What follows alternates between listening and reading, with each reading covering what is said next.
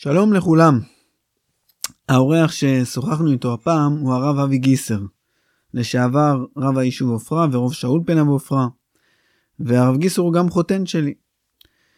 התכוונו לדבר איתו אה, על הרבה מאוד נושאים שקשורים לעשייה הרבנית שלו, אבל כמו תמיד התחלנו מהביוגרפיה ומבתי הגידול.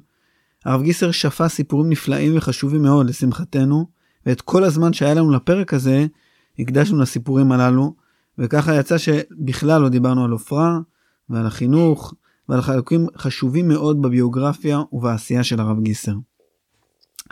השיחה עם הרב גיסר הדגישה לי מאוד את הרעיון של הפודקאסט שבשבילו אה, יצרתי אותו. ההשראה אה, היא מספר שכתב הרב קוק על החותן שלו, עדר היקר שנכתב על האדרת, על הרב אליהו דוד רבינוביץ' תאומים.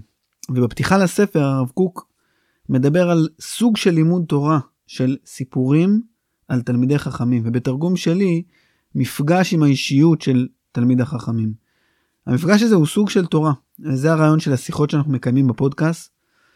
ובאמת הרב גיסר שיתף אותנו בסיפורים מכוננים, בעיקר ממרכז ומהרב צבי יהודה, ובעזרת השם יהיה גם פרק המשך. אז בינתיים, שיג ושיח, פרק שביעי, תהנו.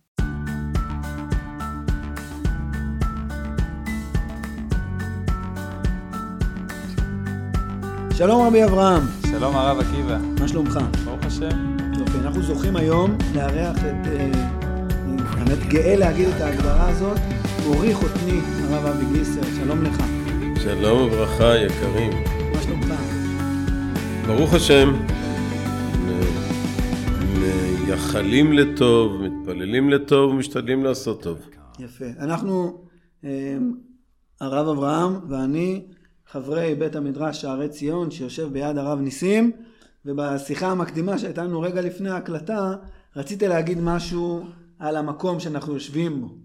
אז... אה, כן, המקום המיוחד הזה, יד הרב ניסים, אז הוא כמובן כל כולו מוקדש לעולמו ותורתו של הראשון לציון, הרב יצחק ניסים.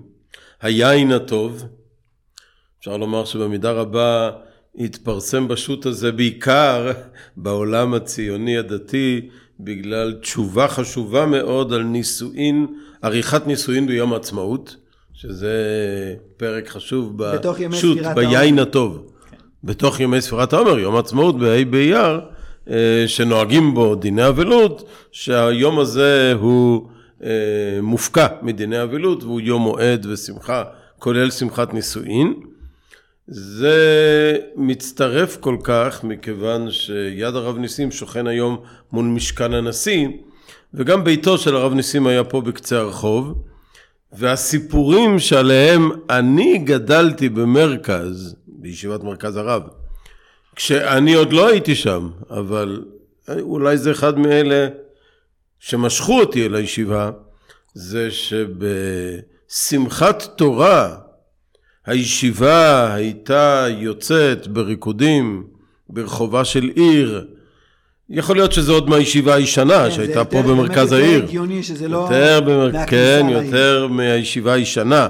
שזה גם הגיוני כי אה, כשאני באתי למרכז הרב זה היה השנה הראשונה שחגגו את שמחת תורה בהיכל החדש בקריית משה.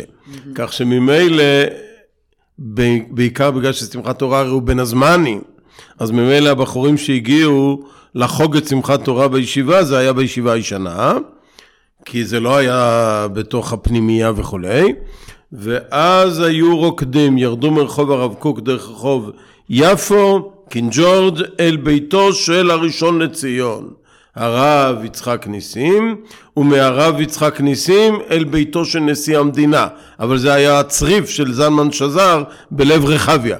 אבל הכל היה בתוך ריבוע קטן מאוד של ירושלים הקטנה. אבל אחד מחדרי הלב של ירושלים. אבל לא- השילוב... לא הלב הפועם, אבל זה אחד... בדיוק. השילוב הזה של הראשון... ספציפית הוא דוגמה קצת חורגת מהרבה נשיאים אחרונים. אה, אני שמתי לב אגב בכמה ספרים שהוקדשו לנשיא רבי זלמן שזר, מדגישים את הרבי הזה. הוא היה חסיד חב"ד ידוע, כן. והיה כל כולו מחובר לתורה ולאהבת התורה.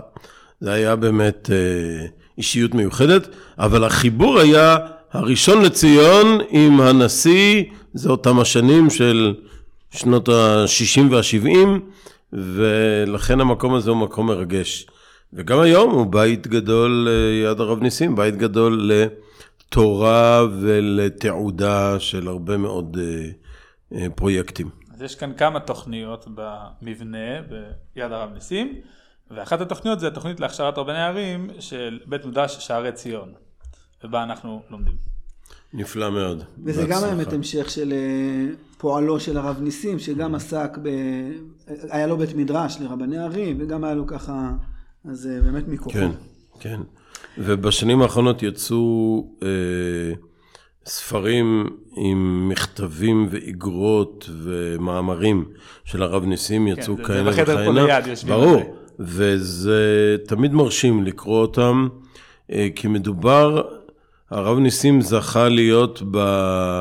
ברגע הגדול של גאולת ישראל במלחמת ששת הימים, אתה רואה שעד המלחמה, עד כמה הוא היה דורש וכואב בכל שיחה שלו את חורבנה של ירושלים ואת מקום המקדש והכותל ביד זרים, מדהים. ועד כמה אחר כך הוא מלא אנרגיות של קדושה ושמחה בפלא שעשה השם לנו. אנחנו, אני, אני גדלתי על המזמור י"ט למדינת ישראל, שהרב צבי יהודה, ביום העצמאות שקדם למלחמת ששת הימים, בעצם שלושה שבועות לפני י"ט המלחמה. בגלל שנת ה-19 בדיוק, למדינת ישראל. ה- אז גם כן. במעלות, אני למדתי, הרב ויצמן כל שנה מלמד את המזמור של השנה הבאה, זאת אומרת, את המזמור של אותה, של אותה שנה, של אותה אתה שנת מתכוון. תהילים. כן, השנה ע"ה, כן. כמו מנהג חבדי לקרוא את פרק התהילים של יום יום הולדת, כן, נכון. המספר יום הולדת, אז כן. באותו יום העצמאות.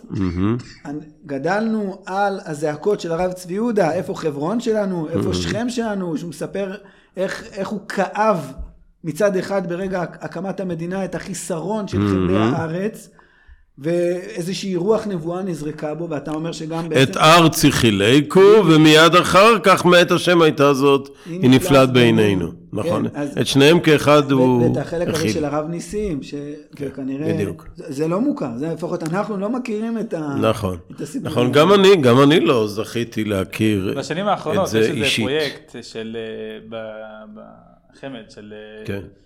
הרב והרבנית, הרב, זה היה הרב והרבנית ניסים, אז החזירו קצת סיפורים. אה, נכון, אז היה לי באמת את הכבוד בשנים האחרונות, כיוון שעד לפני שנה, במהלך 16 שנים, עמדתי כיושב ראש המועצה לחינוך ממלכתי דתי, מועצת חמ"ד, והתחלנו לפני 12 שנים, משהו כזה, 15, את uh, התוכנית הנהדרת שנקראת הדמות השנתית. הדמות השנתית הראשונה בחמ"ד היה הראשון לציון הרב עוזיאל, שערי ושוב, ציון, זה, זה, זה על שמו, זה הספרים שלו, נכון? אה, השם שלו, הרב בן ציון מאיר. הרב אה, בן ציון מאיר חי עוזיאל. כן. והכתבים שלו, השו"תים שלו, משפ... משפטי עוזיאל וכל אה, עולם התורה שלו, ובמיוחד היום מכירים או מתחנכים גם בחינוך הדתי על מורשת הצוואה שלו, הייתה לו צוואה מיוחדת, כן, שכל כולה קריאה נרגשת לשלום בקרב בני ישראל, בינם, אחדות הוא דיבר. האחדות והשלום שבתוך עם ישראל, אה, ולכן אני חושב שהוא נבחר וזכה להיות הראשון לדמויות השנתיות, אה, גם בחמ"ד, אה, והרב עוזיאל באמת פתח את הדרך, ולפני כארבע שנים או שלוש שנים, הייתי במוקד ההחלטה להקדיש את הדמות השנתית לרב יצחק ניסים. איך זה הולך? לפי מה אתם בוחרים דמות? אה, בוא נאמר כך, כיוון שזה רק כל שנה, יש לנו עשרות רבות של מועמדים שיכולים לסמל, אם אתה שואל מה הקריטריונים, זו צריכה להיות דמות תורנית של עולם התורה והארץ, או בשנים האחרונות יותר התורה והמדינה. ולכן ההתמקדות השנים הראשונות הייתה ועדיין לא נגמרה, כי עדיין לא מיצינו את כולם, סביב דמויותיהם של הרבנים הראשיים לישראל, לא, בדיוק. נגיד היה הרב קפח גם היה, אני חושב. היה גם הרב קפח ואשתו, כי. חיפשנו, כשחיפשנו זוג, אז הרב הרבנית, הרב קפח היה מאוד מאוד אשתו מתאים. הייתה אשת חסד מוכרת מאוד. שהייתה אשת חסד אה, משמעותית, וזה הזוג היחיד בישראל שקיבלו פרס ישראל, הוא על ספרות תורנית והיא על מפעל חיים. לא בבת אחת, הם הוא קיבלו... לא היה הרב הראשי, אבל הוא כן היה דיין. נכון, הוא היה דיין הגדול. בבית הדין הגדול, אה, והוא גם נתן ביטוי, ואני חושב שעד היום, אה, כל מי שרוצה לראות את אה, ענק תורה בתורת הרמב"ם, ובעיקר כל תורת יהדות תימן, וכל מורשת יהדות תימן, וגם עולם המחקר של כתבי היד והאוצרות. והתרגומים שהוא עמל עליהם. אז הרב קפח הוא הדמות הבולטת ביותר בין כל אלה. אני רק אספר סיפור קצר כן. על הרב קפח לפני שהם מתקדמים הלאה. אני שמעתי פעם שהרב עובדיה אמר שהוא רוצה למות כמו הרב קפח. מה זה למות כמו הרב קפח? הוא קם באמצע הלילה, כמו כל לילה, הוא קם ללמוד, ובבוקר מצאו אותו מת על הגמרא. כן. זה כן, פשוט- כן, כן, זה היה סדר יומו ולילו, נכון? מג- מגילאים היה, צעירים מאוד, וזה גם מורשת מתימן שהוא הביא, אני קראתי פעם, אני לא זוכר אפילו באחד מהכתבים שלו, שהוא מתאר את לימוד התורה של גדולי משפחתו, שאצלם הוא למד בתימן בתור ילד צעיר, כן. שהיו עובדים. כן. הוא בעצמו, אני חושב שהוא כן. ידע צורפות. כן, הוא, הוא אבל- כשהיה צעיר הוא התפרנס מצורפות, כן, גם כשהיה- כשהגיע לארץ הוא עוד התפרנס כן, קמים- עד שגילו אותו, כן. אני לא חושב שגילו אותו במקרה, אבל אולי אה, מפה לאוזן סיפרו שעלה לארץ, ארי עלה מבבל, אז אה, מצאו אותו ואיתרו וראו איזה שיעור אז קומה. באמת מכתבי הרמב"ם, זאת אומרת, הרמב"ם כן. מדריך שאדם, י- אה, כמה שעות אדם ודאי. צריך לעבוד וכמה כן. שעות אדם צריך ללמוד. ו- ו- והיה קמים- קמים באמת לפנות בוקר באמצע הלילה, ללמוד תורה כל נכון. יום, ואחרי זה הולכים לעמל יומם, ואחרי זה, כן. וזה, נכון. וגם מבחינה ספרותית הוא היה מחבר פורה בצורה לא נורמלית. נכון. כשאתה מסתכל על כמות הכתבים שהוא השאיר, הפירוש על הרמב"ם והתרגומים. נכון. הוציא לאור, כן, זה, זה תרגום נכון. שהוא עשה, וזה ספרים נכון. שבעצם הוא הוציא נכון. לאור מחדש. אז אם נחזור לדמויות השנתיות, זה היה באמת אה, סביב הרבנים הראשיים לישראל. אחרי הרב עוזיאל אמנם היה הרב צבי יהודה, ורק אחר כך היו חלק גדול מהרבנים הראשיים, היה הרב גורן, אה, זה היה בחמישים. בדיוק, חמישים לששת הימים לאחדות, ירושלים, כן. נכון, אז אנחנו, הילדים מקבלים כל שנה את, נכון. את ספרי הילדים. נכון. באמת מרגשים. אני, לא, אני קשה לי מאוד לספר כן. גם על הרב צבי יהודה וגם על הרב כן. גורן. זה ספרים שקשה לי לספר, כי אני פשוט באמצע אה, מתחיל לבכות מהתרגשות, שאתה קורא באמת סיפור של כן. נכון, ירושלים עם הרב נכון, גורן. נכון. ואת הסיפור של, אה, של הרב צבי יהודה, של גדולי המדינה שמגיעים אליו. זה, נכון. זה באמת... של חייל שמגיע לבית שלו ואומר בגדי, קודש. ו... נכון, נכון, נכון. אז אלה, אלה הדמויות. מפעל אה, מדהים, מפעל בשנת. השמיטה הקודמת הייתה דמותו של הרב ישראלי. וכן הלאה והלאה, על. זו הדרך. בשנות השמיטה או בשנות הקורונה האחרונות היו, היה מרן הרב אברהם יצחק הכהן קוק, והרב אה, יעקב מאיר, חברו ורעו לרבנות הראשית. גם זה היה בשנת המאה לרבנות הראשית, אז זה היה תשפ"א עכשיו, ופ"ב עוד הייתה המשך, כיוון שפ"א הייתה שנת קורונה, אז המשיכו את הדמויות השנתיות על פני שנתיים, זה גם היו שני רבנים, ובמידה רבה מאוד הייתה גם גאולה לדמותו של הרב יעקב מאיר, שהייתה דמות די אה, נשכחת כן, לא בעולם כתבים, התורה, ולא לא- נשארו כתבים, עלו באש כתבים בגולה ועוד ועוד, ופתאום יצא לאור עולם שגם התאפיין מאוד, כמו הרב עוזיאל, ברדיפת השלום ועשיית השלום בקרב כל קהילות ישראל ובקהילת ירושלים, שהיה בה הרבה מאוד אה, מחלוקות בראשית המאה ה-20. ובשנה הנוכחית, זו השנה שבה, אפשר לומר, אירוע היסטורי, נבחרה דמות הרבנית המורה, נחמה ליבוביץ', והיא הדמות השנתית השנה בחמ"ד, ואז שואלים אותנו תמיד, שאלו, נו, ומה, בעוד שנתיים, בעוד שלוש? באמת לא פשוט, צריך יהיה...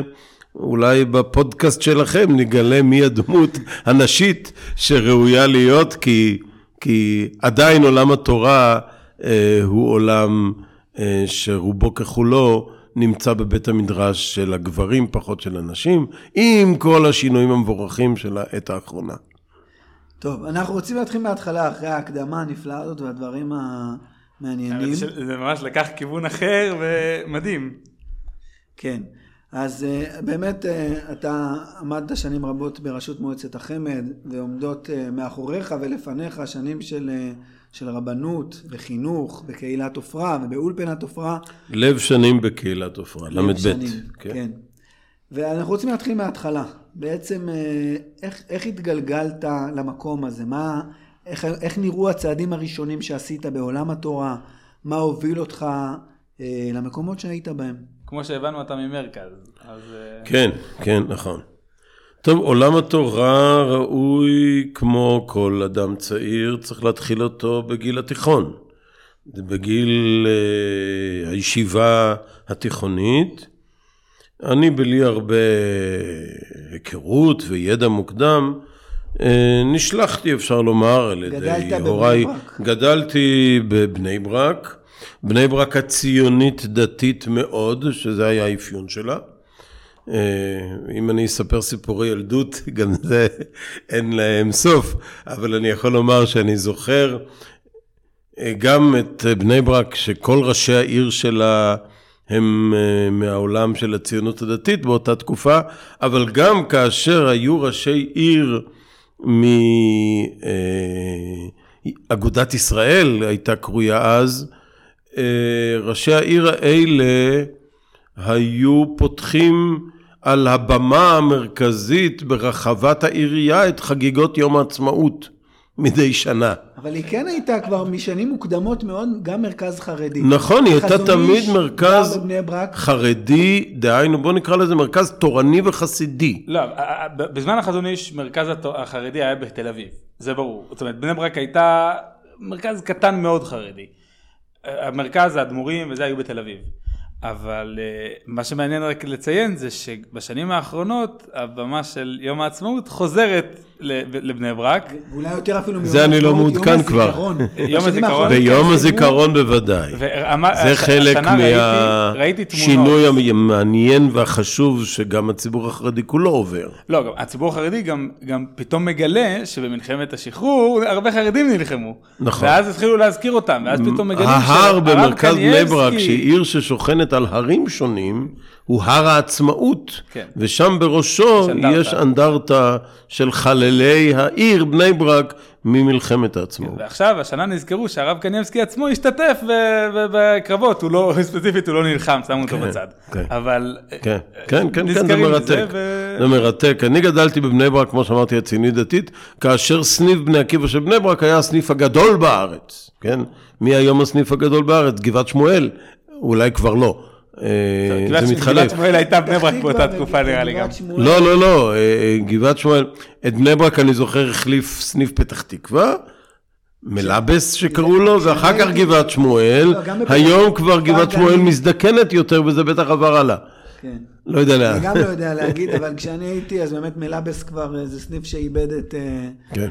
את גודלו, וזה כן. הפך להיות סניף כפר גנים, זה הסניף נכון. הסניפים הגדולים. אחר כך הייתה תקופת גבעת שמואל, היום גם גבעת שמואל, אני חושב, מאבדת את הבכורה בנוער לאיזו עיר אחרת, או הרי השומרון, או מקום אחר שבו יש ריכוז גדול. באיזה בית ספר יסודי למדת? באיזה תודעה... אז, אז זהו, אז אנחנו למדנו באמת, אמרנו ציונית דתית מאוד, גדלתי בשיכון הפועל המזרחי בבני ברק, שבו כיהן דודך, הרב שלום צוקרמן. דוד זכר רבא, צדיק לברכה, אה, דוד רבא. אח של סבא שלי. אח של סבא של הרב אברהם צוקרמן. כן. איזה רחובות זה בבני ברק? רחובות הרב שלמה אהרונסון והרב מוליבר. ובית, הכנס, ובית הספר ובית הכנסת המרכזי שם היה בית הספר הרב שמואל מוליבר. וזה היה בית הכנסת הגדול שם. ושם היו קיבוץ גדול מאוד של ציונות דתית, מהקיבוץ הדתי או בוגרי הקיבוץ הדתי אל הבורגנים של המזרחי הישן, כולם חנו אז בבני ברק. באמת הייתה עיר גדולה של תורה וציונות דתית. אה, וזה היה גם בית הספר היה ברוח הזאת, בני עקיבא היה ברוח הזאת. וכשגמרתי את בית הספר היסודי, נשלחתי למדרשיית נועם פרדס חנה, שהייתה אז מאוד uh, מקובלת, מאוד המיינסטרים uh, של החינוך הדתי. אמנם כבר ישיבות בני עקיבא uh, נהיו יותר ויותר מרכזיות, אבל בכל אופן. אפשר לומר, היוקרה הישנה של מדרשיית נועם עוד הייתה קיימת, ואז נשלחנו חבורה גדולה מבני ברק למדרשיית נועם, אה, ושם קיבלנו מתורתו של הרב יוגל ומאישיותו המיוחדת, ומשילוב התורה והמדע והישראליות, שמדרשיית נועם הייתה מאוד גאה. אה, לייצג ולחנך, ובאמת, אה, אני חושב שקיבלנו חינוך ציוני דתי מצוין. הר"מים במדרשייה היו עד, אני חושב עד היום, מוסדות שקשורים למדרשייה, הר"מים חרדים. הר"מים באותה העת, רובם, רובם ככולם, כבר התחילו להיות ר"מים. אה, אחד או שניים כבר נציגי הציונות הדתית. אז איך מחנכים כל כך לשילוב של מדע ולציונות דתית, כשבעצם זו הייתה אישיותו של הרב יוגל, בעיקר. זו שאלה כללית על, על המוסדות של הציונות הדתית, שהר"מים במרכז, בהתחלה, בהתחלה, הגיעו מחברון וישיבות כאלה, והיו כן. חרדים. טוב, אבל חברון, חברון של הר"מים של מרכז זה חברון של הרב גורן גם כן. כן זאת אומרת, אתה לא, זה לא היו לא ר"מים חרדיים, זה לא הייתה הגדרה נכונה. זה היה עולם התורה של ישיבות שבהם היה בצוותא חדא גורמים מאוד ציוניים, עם גורמים מהפכניים ועם גורמים שמרניים ועם העולם הליטאי הישיבתי הישן, שגם בתוכו, אפילו אם נחזור אחורה, גם בעולם הליטאי הישן היו גורמים מהפכניים, כמו של מודרנה, והיו גורמים שמרניים, זאת אומרת, ה- ה- הישיבות היו מגוונות מאוד. הייתה אולי חרדיות ב- ביחס לחילוניות או לציונות, לא הייתה חרדיות אז. או הייתה הרבה הרבה יותר רכה ביחס לציונות דתית. אבל זה אני מדבר על, על, על איפה שהר"מים הוותיקים מאוד של מרכז גדלו. בעולם שבו אתה גדלת, במדרשייה, כבר כן הייתה חרדיות לעומת ציונות דתית. זה כן היה מאוד מובחן. אתה בעצמך אומר, גדלנו מלב הציונות הדתית. זה נכון שהיו אולי גשרים שונים משל היום, לא יודע אם יותר או פחות. אבל, זאת אומרת, חינוך שהוא הכי אליטיסטי ציוני דתי, והר"מים חרדים. מה... כן, אבל הר"מים, הר"מים לא חידדו את ההבדל הזה. לא חידדו את ההבדל, זאת אומרת זה היה די ברור. אולי מראש בחרו ר"מים שלא אולי, אולי, אולי, זה היה מראש ברור שיש פער בין עולם התורה של הר"מים, של רוב הר"מים, אני אומר, כי אחד הר"מים המובילים אז היה הרב שמואל יניב, שיאריך ימים טובים, אה, שייצג את מרכז. אה, היום? אה, גבעת שמואל. כן. אה, ו... והר"מים בוגרי חברון ופונוביץ' אה, גם היו שונים וגם אה, מאוד ניסו לגשר על פני הפערים האלה. זאת אומרת, כשעלו דיונים סביב ציונות, אז הם אמנם אה, היו מוכנים להיכנס לוויכוח עם התלמידים על ויכוח על השקפות תורניות, אבל אלה היו ויכוחים שנעשו, הייתי אומר, באהבה וברוח טובה, ולא נעשו במתח וחלילה לא בעוינות.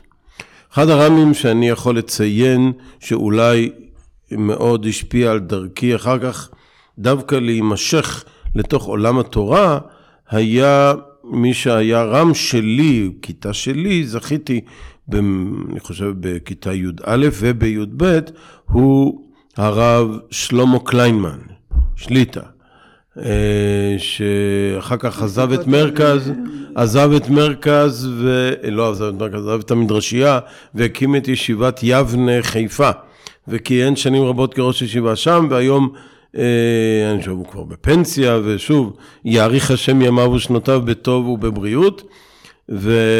באיזה אופן הוא השפיע עליך? הוא השפיע עליי מאוד בדמותו האישית כאוהב תורה וכמי שהפך את התורה גם לאתגר אה, אינטלקטואלי וגם לאתגר רוחני, והיה לו כישרון אה, נדיר להיות מורה מעניין ורם שתלמידיו אה, שוקדים על התורה כדי להיות שותפים לשיעור. זאת אומרת, היה מין רוח של הצטיינות בשיעור ורצון להיות שקוע ומונח בחומר של הסוגיה ושל הדיונים, והוא היה פותח את השיעורים... רם בעיון? רם עיון לא היה הבדל בין רמים, כולם היו רמים של עיון, כי למדו בבוקר 4-5 שעות גמרא, אחרי הצהריים או בערב הסדר לא היה אה, בשיתוף רמים כמעט, אה, ואני רק זוכר אותו מגיע לכיתה מפעם לפעם, פותח את השיעור עם קושייה חשובה ועם פלפול מרתק ש... שלקח את הלבבות. ובזכותו אני אה, חשתי חיבור עמוק לגמרא ורצון ללמוד ולדעת. וזה פתח אה, בפנינו, בפניי, את הלב לתורה. ואחר כך, כשהיינו צריכים בכיתה י"ב לבחור את דרכנו הלאה, אני חושב שזה עוד לא היה כל כך מקובל ללכת לישיבות גבוהות, למרות שתמיד ממדרשיית נועם הלכו גם לישיבות חרדיות יותר, הלכו עוד לחברון, הלכו לכפר חסידים, הלכו לכמה ישיבות. אה, אז אני, משום מה, מה זה משום מה? אני יכול לומר, גם בזכותו של הרב שמואל יניב וגם בזכותם של אחרים, פניתי למרכז. למה פניתי למרכז? בין היתר, אני חושב שסייע לזה אה, העידן של ראשית גוש אמונים.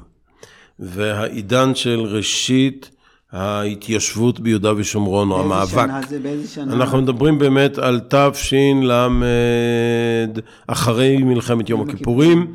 את מלחמת יום הכיפורים הייתי עוד תלמידי בישיבה תיכונית, אז אנחנו מדברים על ל"ה, ל"ו, אלה השנים. העליות לסבסטיה. אז כנער בכיתה י"ב, ארגנו את האוטובוס שייקח אותנו לחנוכה. בסבסטיה, שהייתה אז האירוע ההיסטורי בגשם, עם כל הציונות הדתית המתנחלת של אז, ולזה היה כוח משיכה שילך עלינו קסם. הזכרת מקודם גם בפרויקט של הרב הדמות השנתית, את הרב צבי יהודה. הרב צבי יהודה היה אז ראש ישיבת מרכז, כן. מה היה היחס אליו בציונות? אבל כשהיינו עוד, כשהיינו עוד בישיבה תיכונית לא הכרנו ממש את הרב צבי יהודה. לא, לא, לא אישית, ברור שלא. נכון, הכרנו, אבל כן הכרנו אישית. כבר את הצעירים מתלמידיו, זאת אומרת, את הרב חנן פורת ואת הרב סדן ואחרים, הם כבר היו מנהיגי נוער. בבני עקיבא? איפה? איפה? אני חושב שברמה של גוש אמונים, זאת אומרת, מנהיגות נוער וצעירים בציבוריות. זה כבר מעבר לבני עקיבא, כבר לא היינו פעילים בבני עקיבא, אבל היינו צעירים שמחפשים אה, את התנועה שלהם. והתנועה האידיאולוגית במסגרת התנופה המתמשכת ממלחמת ששת הימים ומשבר מלחמת יום הכיפורים, כאשר גוש אמונים נותן מענה שעניינו אה, קומו ונעלה לשומרון ולכל אה, מקום שהוא ביתנו ומולדתנו, ארץ ישראל, והוא ייתן לנו את המעמד, גם את המעמד הציבורי ואת המעמד התורני שאנחנו מחפשים, ראינו אז באידיאולוגיה שגוש אמונים הוביל, בית אמיתי של תורה וגם של הובלה חברתית בעם ישראל. ואני חושב שזה גם השנים שבהם הציבור הציוני דתי עשה את המפנה הגדול מן הבורגנות הישנה אל החיזוק התורני המאוד אה, מובהק ודומיננטי, כולל מתחים בתוך הציבור הציוני דתי, בין המפד"ל הישנה לגוש אמונים זה החדש. פוליטיקה, זה, ברמה אבל זה. לא היה פוליטי, זה היה אידיאולוגי דתי. ולכן זה משך את הצעירים. האידיאולוגיה הדתית, וזה דחה אחרים, זאת אומרת... אולי זה אני- דחה אחרים. ניצחו. אני לא הייתי ער לזה כצעיר אפשר נלהב. לראות היום את הבוגרי המפד"ל הישנה, אני חושב שהדוגמה הכי בולטת זה אברום בורג, שהגיע מבית אבא של יושב ראש המפד"ל, דוקטור יוסף בורג, והוא מספר על זה איך בעיניים שלו גזלו את המפד"ל, הגיעו כל הגוש אמונים הצעירים האלה וגזלו לו את המפד"ל, יכול להיות, יכול גנבו להיות. לו מה- מה- מהצלחת את המפד"ל שלו. יכול להיות, אבל גם הוא, כמו שבהמשך דרכו בחיים, היה מאוד מאוד חריג. הוא כן, אבל... מתאר את הכל. כן, אבל עמדתו הקיצונית היא מאוד אה, חריגה. גם- הוא לקח כיוון הוא גם. הלך למחוזות אה, אה, על הקצה. אבל המיינסטרים הציוני הדתי של הנוער של בני עקיבא, אה, באמת היה במרכז. במרכז הרגשת, גם כשאני זוכר את עצמי בא למרכז, נבחן במרכז, מגיע אל הישיבה, הרגשת שם תסיסה רוחנית גדולה. זה משך, היה שם מגנט גדול, ובראש המגנט עמדה דמותו של הרב צבי יהודה, שאז מגנטה רבים מאוד מבני הנוער אל, ה... אל המרכז של המרכז הזה, ואני זוכר ש... אה, לנו, הציעו לי, ישיבות הסדר שונות, ואמרתי, אבל מה זה, ישיבות ההסדר הם כולם ישיבות לוויין. המרכז הוא המוביל, וכולם ישיבות לוויין. אני רוצה ללכת אל הלב, אל המרכז, וגם אה, דמותו של רב צבי יהודה אה, קסמה לי אה, היה לו כדמות... קשר עם צעירים גם, עם הבחורים כן, הצעירים? מאוד מאוד. כדמות אה, בולטת, שקשרו לה אז גם כתרים גדולים מאוד, והוא גם במידה רבה מאוד ניווט את הציונות הדתית, וגם את המפד"ל של את אז. את כן. התסיסה הזאת של... אבל אני יכול לומר שוב, כנער בי"ב, אה, כנער בי"ב, בימינו היה מהפך של 77, עכשיו תאר לך נער כמוני, ב- רואה את התגשמות הבלתי יאומן, את ראש הממשלה מנחם בגין, והוא מגיע אל הרב צבי יהודה ביום השבעתו לבקש את ברכתו של הרב צבי יהודה. לא. זאת אומרת, זה נתן לרב צבי יהודה מעמד על של מנהיג של ראש הממשלה, מנהיגו של מנחם בגין, שהולך לכותל והולך אל הרב צבי יהודה ביום השבעתו כראש ממשלת ישראל, במפנה ההיסטורי הציוני של חיי המדינה. אז לכן היה ברור שמרכז העשייה האידיאולוגי נמצא כאן. עכשיו אני רוצה לחזור מה, באמת האידיאולוגיה הגדולה הזאת, אליך, לצומת הזה של נער שמסיים אה, י"ב ומחליט ללכת לישיבה. זאת החלטה שהיא החלט, היא, היא מתקבלת בסדר גמור, זאת אומרת, זה, יש כזה מודל שהולכים לישיבה וממשיכים, זאת אומרת, משפחתית וחברתית, זה... זה היה מודל, זה היה מודל הייתה איזושהי אפשרי. התנגדות? היה, זה היה מודל אפשרי, אבל זה היה חלק ממהפכה, כמו שתיארתי. זאת חלק מן המהפכה שעובר הציבור המפד"לי, הציוני דתי, ואני זוכר שגם אה, אצל הוריי גיליתי התנגדות במובן הזה של אה, אה, ציפייה שאלך לצבא ואחר כך אלך לאקדמיה ולמקצוע ולכל מיני דברים כאלה. מי הולך לישיבה? ישיבה בוכר זה מילה של פעם, וזה מעמד של פעם. אז איך הם, כן. איך הם כן קיבלו את זה? אבל במרכז היה כבר, הייתה כבר אוכלוסייה רחבה יותר, זה כבר לא הייתה ישיבה של עשרות, אלא של מאות. אני מניח שהיו אז בישיבה אולי כ-200 בחורים, אה, והרגשת חלק ממשפחה גדולה. להוריי זה היה קשה, אבל הם קיבלו את זה כמין אה, צורך אה, של נער מתבגר, ש... וגם אני מן הסתם אמרתי להם, תראו, אני עוד לא יודע מה דרכי בחיים, מה אבל אני? רוצה, אני רוצה להיות קשור ללב של העשייה האידיאולוגית שלנו. והעשייה האידיאולוגית היא בוודאי תורה וארץ ישראל. אבל מה, מה חשבת? זאת אומרת, מה התסריט? אני הולך לשנה, שנתיים? לא היה לי תסריט, אני זוכר שוב, ממש ב... זה כל כך, זה בא מן השמיים הרי, הדברים האלה. אבל מן השמיים, כשאתה בא לישיבה, למרכז, אז אני זוכר שאפילו הקדמתי לבוא, ראש חודש היה ביום שישי, היה ראש חודש אלול כן. היה ביום שישי. תחילת שנת הלימודים. אז. מי בא ביום שישי? תבוא ביום ראשון. לא, אני באתי ביום הראשון, ביום שישי. ונשארתי שבת כבר ב... עוד בישיבה חצי ריקה, כי לא כולם באו. אבל מה קורה ביום ראשון? זה ג' אלול. ואז אנחנו באים לישיבה הישנה. שוב, זה היה בשבילי כמו מה היה להיות... בישיבה הישנה? שהישיבה- זה היה כמו להיות במחוזות אה, אחרים לגמרי.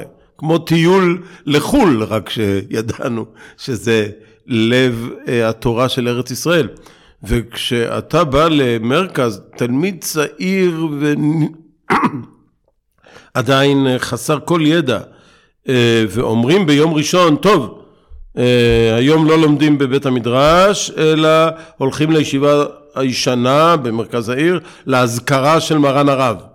ואתה בא לאזכרה, ושם את האזכרה פותח הרב הראשי הרב גורן, בנאום חוצב להבות, על מי היה דמותה, אה, מהי הדמות הענקית של מרן הרב קוק זצ"ל. ואז אחריו עולה הרב, שזה היה אולי המפגש הראשון שלי איתו, עולה הרב צבי יהודה, על הבמה הקטנה והצרה הישנה, שרואים שם את הרב אברהם יצחק הכהן קוק בתמונות, שם עומד עכשיו הרב צבי יהודה, והוא מדבר שיחה ארוכה, אני זוכר את כל השיחה הזאת, הוא מדבר על אבא. ואתה אומר, אני עומד כאן ושומע תורה מ... על אבא, מהבן שמספר על אבא. זה קשר אותי בעבותות של אהבה והתרגשות אל תורת הרב קוק. והסיפורים של הרב צבי יהודה, שהיה מרבה לספר סיפורים, את תורתו היה מקנה בעזרת סיפורים מכוננים כאלה. לא סיפורי מעשיות, סיפורי עובדות והיסטוריה. הסיפורים של הרב צבי יהודה, ואז אני זוכר שהשיחה הייתה, התמקדה בזה שלאבא היה רוח הקודש. זו הייתה, זה היה נושא השיחה. בג' אלול, בג' אלול הראשון. שלך.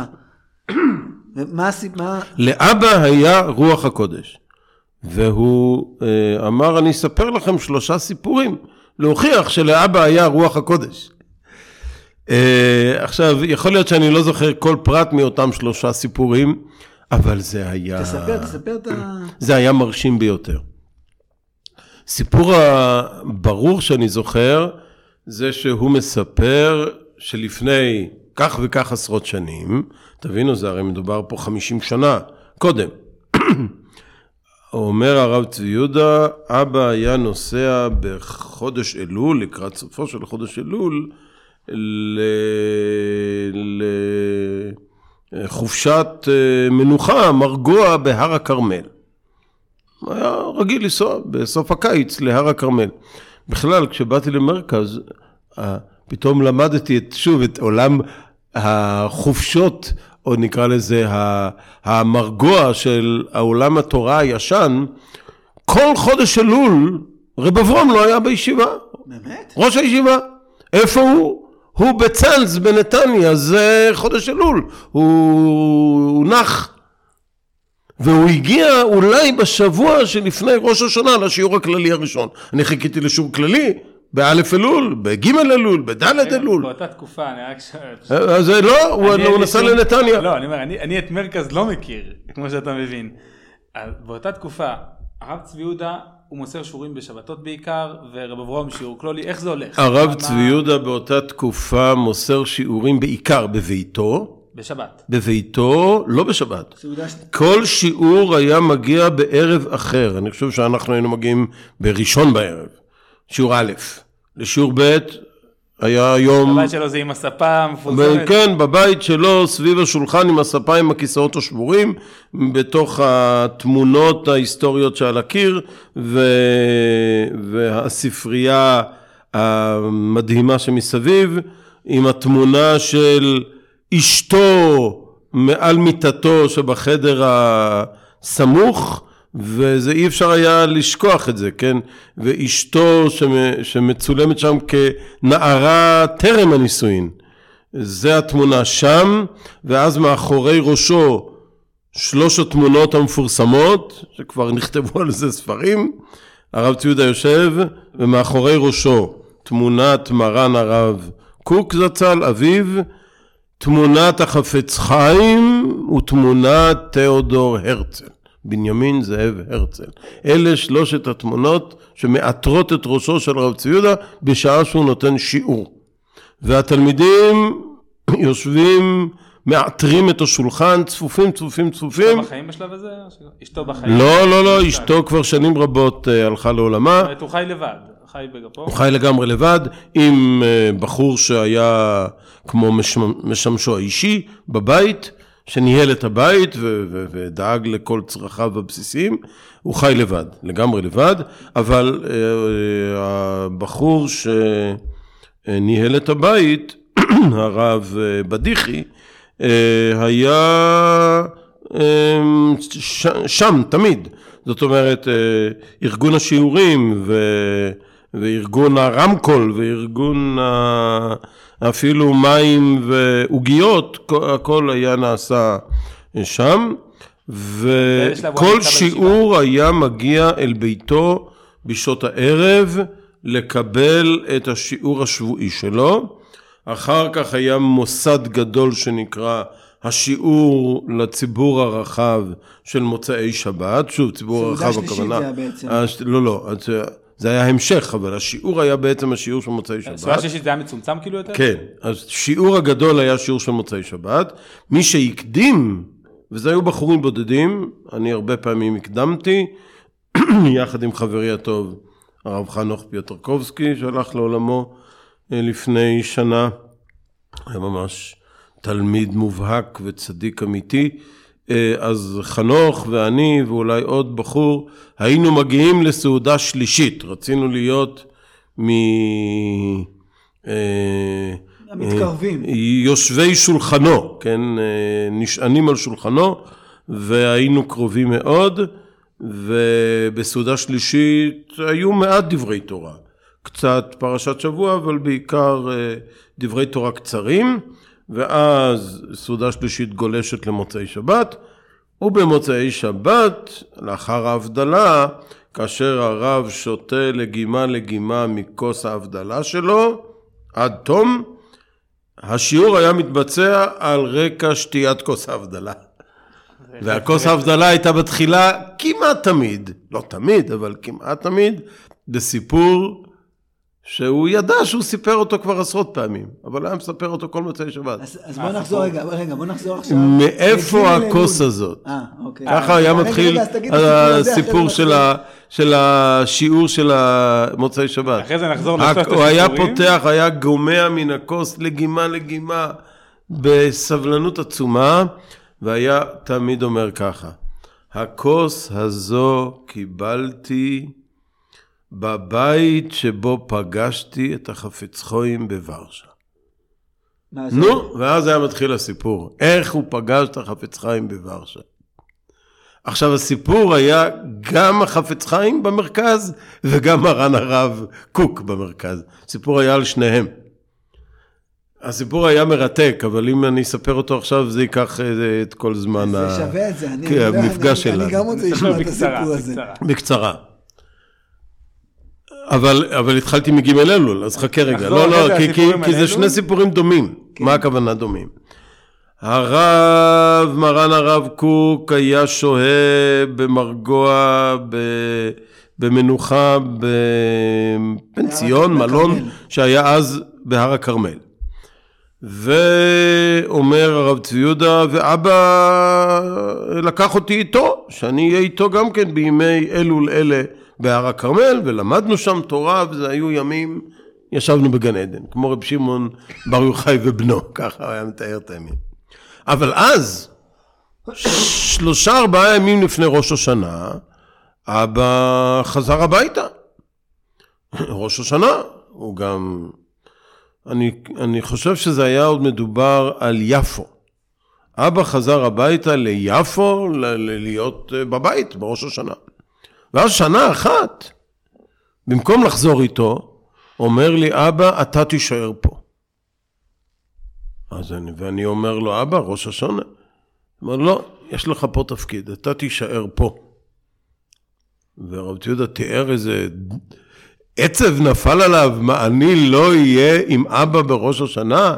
לא יברך אותי ב- בידיו הקדושות, ככה היה משתמש במילים האלה, לא ישים עליי את ידיו ויברך אותי בברכת הבנים, ולא אשמע את התפילות שלו בראש השנה, ואיך אני אהיה פה בהר הכרמל בראש השנה, ולמה? ואז התברר לי, למה הוא משאיר אותי? כי בערב ראש השנה מופיע רב חיים נחמן ביאליק. בפנסיון הזה, רב זה, זה ככה הוא אצלי. ככה הוא אמר, כן. אני אגיד את זה עוד רגע. אולי הוא אמר חיים נחמן, אבל אחר כך הוא הסביר למה הוא קרא לו רבי, רב.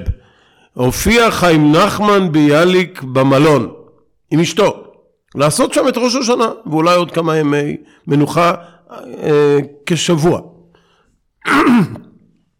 מופיע ביאליק במלון, ואנחנו לא מכירים, אבל אולי עשו ביניהם היכרות, ואז הוא אומר, התחלנו לדבר, אבל התחלנו לדבר ולא סיימנו. כל יום היינו מדברים שעות, אני וביאליק. וכיוון שהוא בא למנוחה, אז הוא גם, אה, הלכנו לטייל על הר הכרמל. אז היינו יוצאים שם בשבילים מסביב לאותו פנסיון, והיינו הולכים ומדברים, הולכים ומדברים בדברי הגות ובדברים דברים עמוקים, במחשבה של תורה, מחשבה יהודית, ועל הדור ועל הארץ ועל התקופה ועל הגאולה ועל הציונות. את כל התורה אני העברתי לו באותם שלושה ארבעה ימים. וכאשר נפרדנו, זה היה כבר ערב יום הכיפורים, אז חזרנו לתל אביב. ואז אומר הרב ציודה, אז אני, שכל כך נקשרנו, שלחתי לו את הספר שיצא אז, וזה אורות התשובה. אז שלחתי לו את אורות התשובה וכתבתי לרחן ביאליק, זה הרב חיים, חיים נחמן. לרחן ביאליק, אה, איזושהי הקדשה, אני לא זוכר את המילים שהוא כתב לו איזה מילה שתיים. ושלחתי לו. הוא אומר, ואז ביום יומיים אחרי יום הכיפורים, אני מקבל איגרת תשובה מביאליק. והוא כותב לי בזו הלשון, את אורות התשובה המשכתי עליי ביום הקדוש. כאילו, יום ק- הכיפורים. קראתי ביום כיפור את אורות התשובה. והדברים נכנסו בי כמו באו בקרבי כמים טהורים וכשמן בעצמותיי וטיהרו את מחשבותיי ביום הכיפורים הקדוש. ועל זה הוא כותב תודה, חיים נחמן ביאליק. אז הוא אומר, וזה היה אצל הרב זידה רוח הקודש של אבא, שידע שצריך להשאיר אותי שם בראש השנה, בפנסיון. הזה, כדי שאני ארביץ את כל התורה כולה ברחן ביאליק. מה הסיפור של, ה... של הגביע? של... ואז היה מספר בכל מוצאי שבת כמעט, היה מחזיק את הגביע ואומר, את הגביע הזה קיבלתי מן הבעל הבית החשוב בוורשה, אני לא זוכר את שמו, שבביתו אה, שהיתי כשנסעתי ופגשתי את החפץ חיים בוורשה. ואז היה מתחיל הסיפור על חפץ חיים, ואז היה גם מראה מאחור, אתם רואים את התמונה של החפץ חיים, ואז הוא היה כאילו מחייך, אומר, החפץ חיים מצולם שם עם כיפה מהסוג הישן, אתם יודעים, כזה כמו כובע מרובע. עם כזאת מצחית. לא, לא, זה, זה כשהיה הולך ברחוב.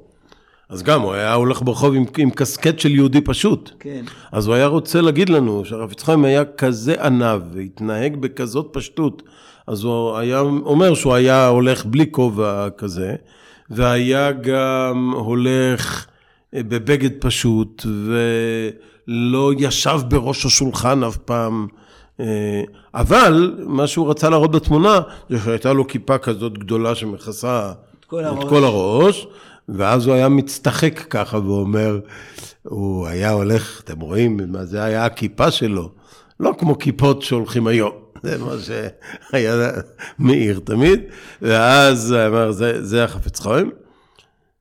ואבא שלח אותי, חלק מאותה תקופה, שזה כמובן שנים קודם, אה, זה כנראה על רקע של אה, הקמת דגל ירושלים ועוד ועוד. אבא שלח אותי לפגוש את כל גדולי התורה ברוסיה, פולין, אירופה, כדי לחבר אותם אל הרעיון הציוני. ואז בשליחות של אבא נסעתי ב... בכל המחוזות של היהודים, פולין ורוסיה, ליטא. ואז אה, רציתי לפגוש את החפץ חיים. ונדמה לי שהחפץ חיים הלך, אה, נפטר בשנת תרצ"ב. אז זה 32, אז נפטר חפץ חיים. אז זה שנות ה-20 אנחנו מדברים. אה, והוא אומר, חפץ חיים היה מגיע כל שנה לוורשה לכמה וכמה שבועות, כי הוא הדפיס אז את ספרו המשנה ברורה, והוא הדפיס את המשנה ברורה, ואז היה מספר הרב ציודה, להדפיס זה לא היה דבר כל כך פשוט, כן, כמו היום, והוא היה ניצב יום יום בבית הדפוס להגיע ולתקן טעויות. חיים חש כזאת אחריות על הוא גם עסק, הדפסת... הוא עסק גם בהפצה של הספרים שלו בעצמו. יכול להיות. אומרת, הוא, אבל הוא דיבר על זה שהוא היה מגיע לוורשה, כי הוא רצה להיות פיזית בבית הדפוס. הוא אומר, הוא היה מן הבוקר עד אחר הצהריים עומד בבית הדפוס, משגיח על ההדפסה ומתקן את הטעויות, ממש. ולכן הוא היה בוורשה, שבועות, בזמן הדפסת ספרי המשנה ברורה. ואז הוא אומר, אבל יהודים ידעו שהחפץ חיים פה, בוורשה. ולכן רבים אה, אה, ערבו לו, כן, אה, המתינו לו, כי רצו לקחת איתו מילה, ברכה, סלפי, לעשות שיחה. איתו סלפי. כן. וידענו באיזה בית הוא מגיע בערב. אז הלכנו לבית הזה. מי זה? גם, גם, עם הרב, גם עם הרב קוק? לא, לא, לא, הוא מדבר שאבא שלח אותו, הוא היה בלי אביו אז. כן. אה, זה משהו כמו בין שתי מלחמות עולם. ואז הוא אומר, והייתי שם בוורשה וחיכיתי לו. הוא אומר, וזה היה יום, וחיכינו לו, חיכינו לו זמן ארוך. אה, הוא אומר, זה היה יום, אמצע הקיץ, יום לוהט, הוא היה מרחיב בפרטים האלה. היה יום לוהט. ועד שהגיע חפץ חיים, באמת, הוא היה עייף ומזיע, והוא אומר, ואז הוא אה, הוריד את הכובע, אבל אחר כך הוא מיד חבש את הכובע שלו שוב, ואז הוא היה מראה את התמונה, אתם רואים? הוא, גם- גם כשהחפץ חיים היה מוריד את הכובע, לא היה לו כיפה קטנה, אתם רואים כאן בתמונה איך היה. אבל כיוון שישבו, ואנשים אמרו לו, רבינו יוריד את הכובע, כי היה כל כך לוהט והוא היה מזיע. וה- והוא רצה באמת קצת אה, לקבל אוויר, אבל החפץ חיים אמר, אי אפשר, יושבים פה אנשים מכובדים, החזיר את הכובע לראש, כי אי אפשר להוריד את הכובע במקום שיושבים עם גדולים. זה היה חלק מהענווה שלו. ועוד, היה ממשיך ואומר, אה, אה, אז, אבל החפץ חיים, אה, באותו יום, היה יום לוהט, אז, אז, אז הוא נסע ברכב, נסע במכונית לבית. אז הוא מסביר. כי אם היה חפץ חיים הולך ברגל ברחובות ורשה מהבית דפוס למלון שלו, לא היה יכול להגיע. לא היה מגיע. היה. כי הרחובות היו מתמלאים בהמוני אנשים, פשוט לא היה יכול להתקדם. אז הוא נאלץ לנסוע ברכב. אבל אז היה לזה עוד סיפור, עם, עם איזה אה, כזה אה, פיתול הלכתי מעניין. הוא אומר ככה, אז, אז ראו את החפץ חיים באמת נכנס לבית עם הכובע ועייף ומזיע. אז אמרו לו, רבינו יוריד את הכובע. ואז אחד מהנוכחים עוד הוסיף ואמר, "אה, רבינו בטח הלך ברגל. ואז היה הרב צבי יהודה אומר, נו, מה פתאום הלך ברגל? אם היה הולך ברגל לא יכול להגיע. אבל הוא אומר, למה הוא אמר, בטח רבינו הלך ברגל? ואז הוא היה מכניס את הפיתול הזה. כי באותה העת היה פולמוס על הריפוד של מכוניות, אם זה שטנז או לא שטנז. כי באמת היו עושים את הריפוד של המושבים מצמר ופשתים. זה היה כנראה הנורמה. אז היו כאלה שנמנעו מלשבת ברכב גם ברכבות, אגב, במכונית, גם ברכבות כן. יש סיפורים על גדולי. ישראל שלא ישבו זהו, שה- בגלל שזה היה הריפוד המקובל. אבל, אה, אבל הוא היה רוצה להגיד, לא, חפץ חיים לא אה, פסק ככה. והוא נסע ברכב והגיע הביתה עם הרכב. לכן הוא אמר, לא, אני דווקא באתי ברכב. הוא לא התבייש להגיד, וזה היה חידוש, שאם החפץ חיים אומר, אני באתי במכונית, או באוטומוביל, לא יודע איך הוא אמר את זה, אולי הוא אמר את זה ביידיש כמובן, בשפת הדיבור. אני נסעתי ברכב. טוב, אז זה כבר היה חידוש גדול לכל השומעים. ברכב. ואז הוא התיישב ולא הוריד את הכובע, כי מפני כבוד הציבור. ואז הוא, חפץ חיים פנה אל הנוכחים ורצה לשמוע מי הם, מי, מי, מי, מי אדוני, מי אדוני, מי כבודו. אז הוא, ואז הוא אומר, רב ציודה, כשהגיע אליי, אז אני הצגתי את עצמי. אז אמרתי שאני... אה, אני, אני צבי יהודה, ואני... אה, איך, איך הוא קרא לזה? דודי זקני זה האדרת. כי הרי זה היה נישואים שניים. דודי זקני, אז אני, אז אני, דודי הזקני זה רבי אליהו דוד, האדרת. אליהו דוד. אז הוא אומר, חפץ חיים עוצר אותי. והוא אומר לי, אז אתה בנו, אז ככה רב ציודה היה אומר את זה בהתלהבות כזאת, בהתרגשות. אז אתה בנו של הרב מזמל, של הרב מבויסק, של הרב של ירושלים! ואז הוא היה אומר, שוב ביידיש כזה, מה אתה מספר לי מהסבא? תספר לי מהאבא. כאילו, מה אתה מציג את עצמך? אני נכדו של רבי אליהו דוד, אתה בנו של מרא דאתרא דירושלים. זה תגיד. אז הוא היה משלב בסיפור הזה גם משבחי החפץ חיים, וגם רצה להראות שהחפץ חיים היה מעריץ גדול של מרן הרב קוק. ככה הוא הטמיע בנו כתלמידים יסודות כאלה עם פטיש גדול, שלא שכ... אנחנו יכולים לדקלם כל מילה מהסיפורים האלה. אנחנו חוזרים שנייה ל- לישיבה, זאת אומרת, אתה מספר שאצל הרב צבי יהודה, היה לכם שיעורים בבית שלו, כן. אגב, הוא לא מסתובב בישיבה, מה זאת אומרת, לא לישיבה באותם הימים הוא כבר היה... אה, הוותיקים שמעלינו ידעו לספר על הימים שבהם היו מתהלכים עם הרב ציודה ברחובות ירושלים ושהיה מגיע לישיבה כל יום לתפילת שחרית והיו מעלים לו פת של שחרית לספרייה והיה יושב שם והיה מקבל תלמידים כבר לא היה בימיי אני כבר הגעתי בסוף ימיו של הרב צבי יהודה ולכן באותם הימים הוא כמעט לא היה מגיע לישיבה רק בימים מיוחדים דהיינו יום ירושלים, יום העצמאות. אני זוכר עוד שיעור שלו מתשעה באב אחרי הצהריים גם כן, אבל היה מגיע לעיתים נדירות לישיבה, הרבנים בישיבה בפועל, ו- ואני רק אומר, רוב הפגישות עם הרב צבי יהודה כבר היו אז רק בביתו. רק בביתו. אם הזכרתי את יום העצמאות, אני חייב להגיד אחד הדברים שהיו לי. אז ככה, יש יום עצמאות אחד, כנראה ל"ז או ל"ח, שאני זוכר את, אה, את הרב גורן בא לישיבה למסיבת יום העצמאות הידועה והחשובה. אני לא זוכר, אולי זה היה יום ירושלים או יום עצמאות. וכשהרב גורן, שהיה אז בלב המחלוקת, אולי זה היה מחלוקת סביב היתר האח והאחות ועוד כאלה, כשהרב גורן קם לדבר, הרב צבי יהודה קם. ולא ישב כל זמן שהרב גורן דיבר. נו, הרב צבי יהודה קם אז כל הישיבה קמה. שכבת הגיל של חמיב, לא? משהו כזה, הוא היה מבוגר ממנו, לא? הרב, הרב גורן לא חושב שהיה מבוגר ממנו. לא, הרב צבי יהודה היה מבוגר מהרב גורן, לא? אמ, נראה לי שכן, כן, בטח. הוא נראה לי בשכבת גיל כמעט כן, של הרב הנזיר. אה, ו- אה, אני חושב שבאמצע, הוא היה אולי מבוגר מהרב גורן.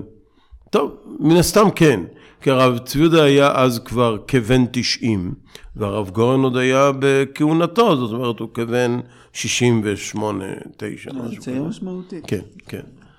אה, אז, אבל הרב גורן מדבר, הרב צבי יהודה קם. הרב צבי יהודה קם, כל הישיבה קמה. אז כל השיחה של הרב גורן היה הכל בעמידה. כי הרב צבי יהודה רצה להראות שאת מרן הרב הראשי צריך לכבד עד אין קץ. אני אגיד לך משהו שאני שומע משני הסיפורים, גם מהסיפור על החפץ חיים וגם מהסיפור על הרב גורן. שני דברים. דבר אחד זה אה, לעומתיות לחרדיות. כן, אבל זה אתה שומע ממזמור י"ט, צדיקים שאינם מאמינים. זה יש בלב, בלב השיחה. זאת אומרת, יש פה אדם, יש פה עוד משהו, אתה אומר, זה סיפורים, זאת אומרת, הוא לא מלמד תורה במובן שהוא לא מלמד תוספות לא, ורש"י. לא מלמד גם, תוספות לא, ורש"י, לא. אבל הוא כן מלמד. מלמד זהות. שוב, אצלו בבית, אה, זהות, נכון. מלמד זהות, אבל- הסיפורים האלה הם סיפורים כן, שמוכנים אבל זהות. אצלו בבית הוא היה שולף, והיה אומר, תביאו לי את הספר הזה והזה באחד השיעורים, כן, אבל- והיה שם הלשם שבו והחלמה. והיה מסביר לנו שזה הסבא של הרב לא, אליושי. והיה מצטט ממנו איך ייראו ימות המשיח. אתה אתה צודק, הוא ביסס זהות. יש פה אדם שמלמד זהות, שמה של, התורה שלמדת ממנו זה התמונות שהיו מעל הראש שלו, והתורה נכון. שלמדת ממנו זה הסיפורים, זה דבר אחד. נכון. דבר שני, הזהות הזאת היא זהות שהיא ציונית דתית, היא לעומתית לחרדיות, כן. ויש פה עוד משהו שאני מזהה, שהיא גם מבקשת אישור מהחרדיות. זאת אומרת, הוא היה יכול לבנות את הזהות הזאתי כלא אכפת לי מהם. אבל לא, היה כל כך יקר לו וחשוב לו, שהחפץ חיים אמר שהרב קוק הוא גדול הוא גדול, בתורה. נכון. והלשם שבו והלחמה, והסבא של, אה, של, אה, של הרב אליושיב, נכון, הוא היה נכון, אה, קשור נכון. ואוהב מאוד לרב קוק. נכון. ו... והרב שהוא היה חברותא פרשת שלו. האח והאחות. היה חברותא, לשם שבו ואחלום למד איתו קבלה. כן, ועצם העובדה שאתה אה, זוכר שהוא עמד נכון. בדרשה של הרב גורן, כן. ואני לא יודע אם, כן. אם, אם זמזמו שם, אגב, שזה סיפור שמספרים בדיוק, הרב נריה כותב את זה בספרו, על. החזון איש שעמד כאשר הרב קוק, מרן הרב קוק, עוד- עוד- הגיע לבני ברק לחנוכת ישיבת תפארת ירושלים. בראש הגבעה שם, זה היה ליד הבית שנולדתי בו, ברחוב ירושלים בבני ברק. אז כשהגיע, שוב, שנות ה-30 המוקדמות, הגיע מרן הרב קוק לחנוכת הישיבה, וקם לשאת דברים.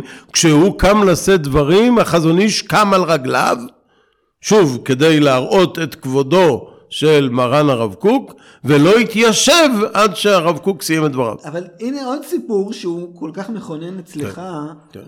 ובאותו מעגל של, הר... של הרב נריה, מתלמידי הרב קוק, אה, ומחברו של הרב צבי יהודה, שהוא הוא מאוד מבקש לגיטימציה והכרה נכון, בעולם החרדי. נכון, נכון, נכון.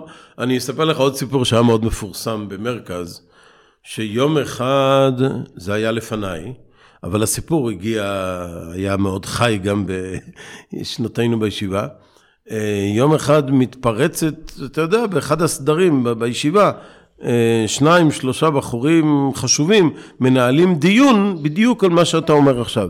האם רוב גדולי התורה באירופה היו בעד הציונות או נגד הציונות? זה, זה שיעורים של הרב צבי יהודה, הוא היה סופר רבנים, הוא היה סופר... כן, כן, כן, אז ככה.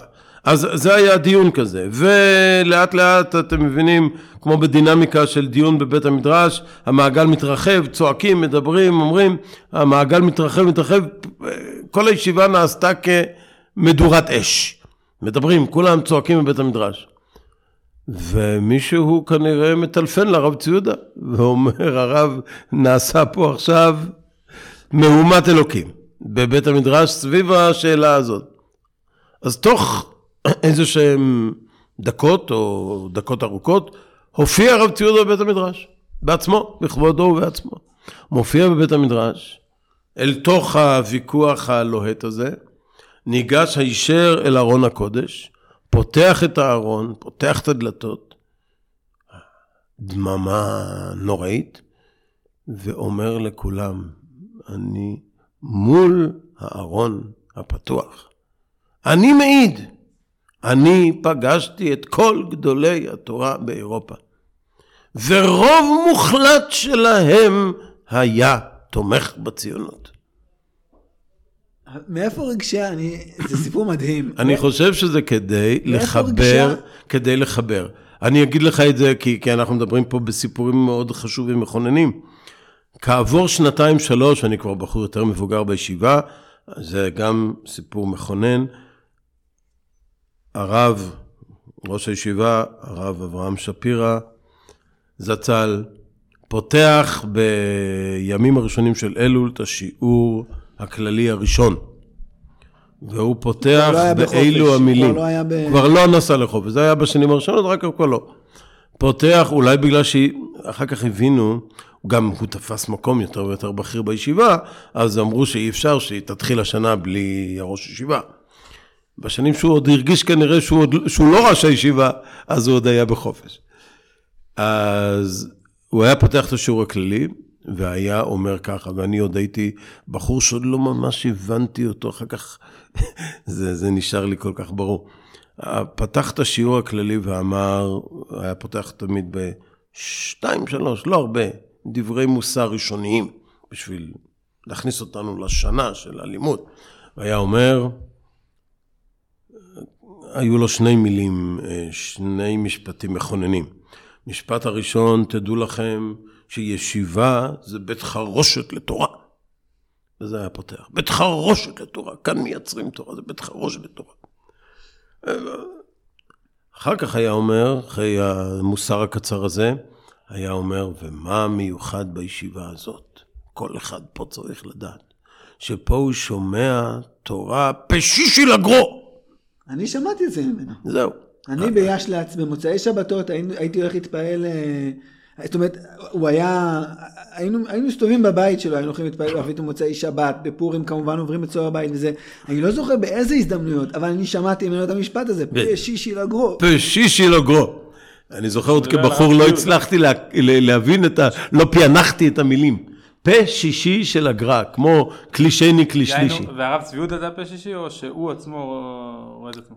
הוא דיבר לא, הרב ציודה. הוא היה אומר כאן, הראש שישי והרב ציודה. אז היה מונה. הגר"א, רב חיים, הנציב, ו...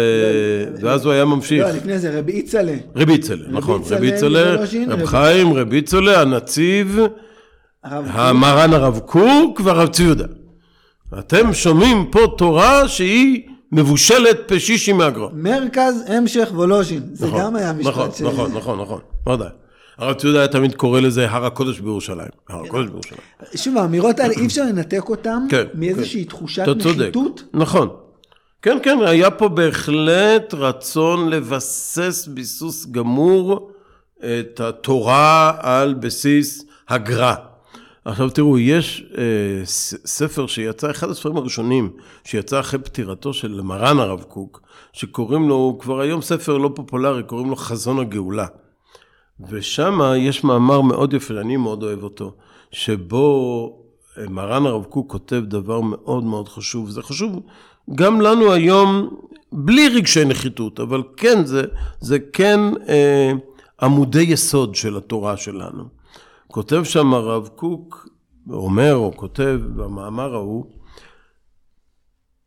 הרי הוא אומר, אין מחלוקת בכלל על בית שני, שבבית שני של עזרא ונחמיה, ודאי שזאת הייתה קדושת עולמים, שריבונו של עולם פקד את עמו, והשם פקד את אה, בית ישראל, והעלה אותם מבבל, הביא אותם לארץ ישראל, ובנו בית המקדש, ובית המקדש הזה זה מה שמתואר במסכת יומא, ובכל. במידות, ובכל המשניות, הכל. אנחנו חיים את בית המקדש השני. ואז הוא אומר, ומה, מי היו המייסדים של הבית השני? הוא אומר, ממש לא גדולי תורה. עליית עזרא. ממש עליית עזרא, שזה עשרה יוחסין, אני חוטי. העם. עשרה אני מבלבל. כן, עשרה היה נכון, נכון. אני לא זוכר את המילים שם. ואז הוא אומר, אבל התחייה שלנו היום, זה כותב הרב קוק בראשית המאה ה-20, התחייה שלנו היום, הרי בראשנו עומדים גדולי עולם, גדולי התורה. הרי הם הגר"א והבעל שם טוב. זה מאמר של הרב קוק, לומר מי הם מחוללי הגאולה של הדור האחרון, של הדורות האחרונים. אז באמת, אתה רואה שזה היה חשוב לך, ואני גם חושב שזה מאוד חשוב, גם ב, ב, ב, ב, אה, בלי ניתוח פסיכולוגי, באמת התורה. נורא חשוב לדעת שאתה חיבור למשה קיבל תורה מסיני ומסרה ליהושע, ויהושע לזקנים, וזקנים לנביאים, לאנשי כנסת הגדולה, והם אמרו שלושה דברים, מדינת ישראל היא התקיימות חזון הנביאים. כמו המאמר של הרב ציודה. אז חשוב החיבור הזה, והחיבור הזה לדעתי הוא קדוש מאוד. אני, רק מלמעלה אני רואה שאנחנו על שעה ועשרה, אנחנו נצטרך פרק שני. מלמעלה. רק רציתי לחזור שנייה ל... לישיבה. אנחנו נדבר בעזרת השם, חייבים פרק שני להמשיך, אנחנו עוד בגיל 18 איפשהו. אה, מה המעמד של הרב שאול ישראלי ורב אברהם שפירא, אה, אה, רב אברהם, ב- בשלב הזה של הישיבה? זאת אומרת שהרב צבי יהודה כבר בבית רוב הזמן? ו... כן, הרב מה הם צבי עושים? הרב צבי יהודה בביתו, מי שמנהיג את הישיבה הרבה יותר בנוכחותו ובאישיותו זה הרב אברהם שפירא. הרב ישראלי באותם השנים, גם, גם רב אברום למעשה, אבל גם הרב ישראלי הם עדיין דיינים פעילים בבית הדין הגדול. רגע, רב אברהם בשלב הזה היה רב ראשי כבר? או היה- לא? לא, אבל היה דיין פעיל. זאת אומרת, שני, שני דיינים בבית הדין העליון, נכון? בדיוק, כן. אבל הרב מי- ישראלי מי- היה... מי בפועל את כל ההיכרות עם כל הבחורים הצעירים שמגיעים? הם? אמ, קצת הרב צבי יהודה וקצת רב אברום. אין באמת אה, זה- אה, זה עבודה מסודרת. זה קצת מעניין, כי אתה אומר בעצם שהישיבה נוהלה על ידי שלושה רבנים, שלכל אחד היה את כן. המרכז מחוץ לישיבה. לא, אז הרב צבי יהודה כן היה, לא היה לו מרכז אחר, אבל הוא כבר היה בחולשתו, והוא כבר ניהל את זה ב, אה, מתוך חולשה. אז רב אברום היה פעיל יותר ונוכח יותר, והשיעור הכללי היה של רב אברום, אבל באותה מידה ביום חמישי, אם רב אברום נותן שיעור כללי ביום שלישי, ככה זה היה, אז כל יום חמישי הרב ישראלי נותן שיעור כללי. היו שני ראשי ישיבה של שיעור כללי, הרב ישראלי ורב אברום. אה, הרב ישראלי היה, אה, אה, כמו בהגדרתו, ראש הישיבה או ראש מטיבתא, אבל לא היה פעיל בתוך הישיבה מחוץ לשיעור הכללי, אלא רק למי שהגיע לביתו. רב אברום היה הרבה יותר מעורב, הוא, הוא קיבל בחורים, הוא לדעתי זה שבחן אותם, הוא גם אישר לבחורים אה, ללכת לצבא, שזה היה אירוע בפני עצמו. אה, צריך אישור מיוחד? כן, צריך אישור מיוחד מרב אברום. אתה אם אתה רוצה. לבוא, אם אתה רוצה להיכנס להסדר מרכז, לאותה, לאותו מסלול, להישאר בישיבה וללכת לצבא ולחזור לישיבה. זה הכל רב אברום, כך שהמנהל בפועל היה רב אברום. טוב, אנחנו לצערי הרב בגלל הזמנים חייבים לסיים, וכמו שהרב אברהם אמר, אנחנו נהיה חייבים לעשות אה, פרק שני. אני אשאל אותך שאלה אחת, אה, לחתום את, ה, את החלק הזה. הזהות הזאת, הליבה הרותחת הזאת של, של כינון זהות, ש, ש, שיונקת את התורה שלה ואת הקדושה שלה מהרב קוק ומהקשר לגדולי ישראל באירופה ומהציונות. איך מנחילים, איך מנחילים אותה הלאה? איך, איך מנחילים אותה ברבנות בעופרה? איך מנחילים אותה ב, ברשות אולפנה? איך, איך מעבירים אותה הלאה? בראש ובראשונה, כמו ש... אמרנו, משה קיבל תורה מסיני ומסרה ליהושע. דהיינו, במסורת. ממשיכים את הסיפורים. מלמדים את הסיפורים לדורות הבאים. צריך להמשיך ולספר. בדיוק כמו אגדה, אגדה של פסח. אנחנו יודעים מכבשונה של תורה, שהדרך להנחיל זהות זה לספר את הסיפור. ולכן אנחנו צריכים להמשיך לספר את הסיפורים, ואני עושה את זה. הנה, גם, כל גם פעם שיש לי הזדמנות. הנה, זאת, זאת גם כן. הזדמנות, ובעזרת נכון. השם יהיה לנו, כמו שאמרתי, אה, חלק שני להמשיך את הסיפורים האלה, ובינתיים, בשמחה תודה רבה ובברכה, רבה על השיחה. הנפלאה הזאת.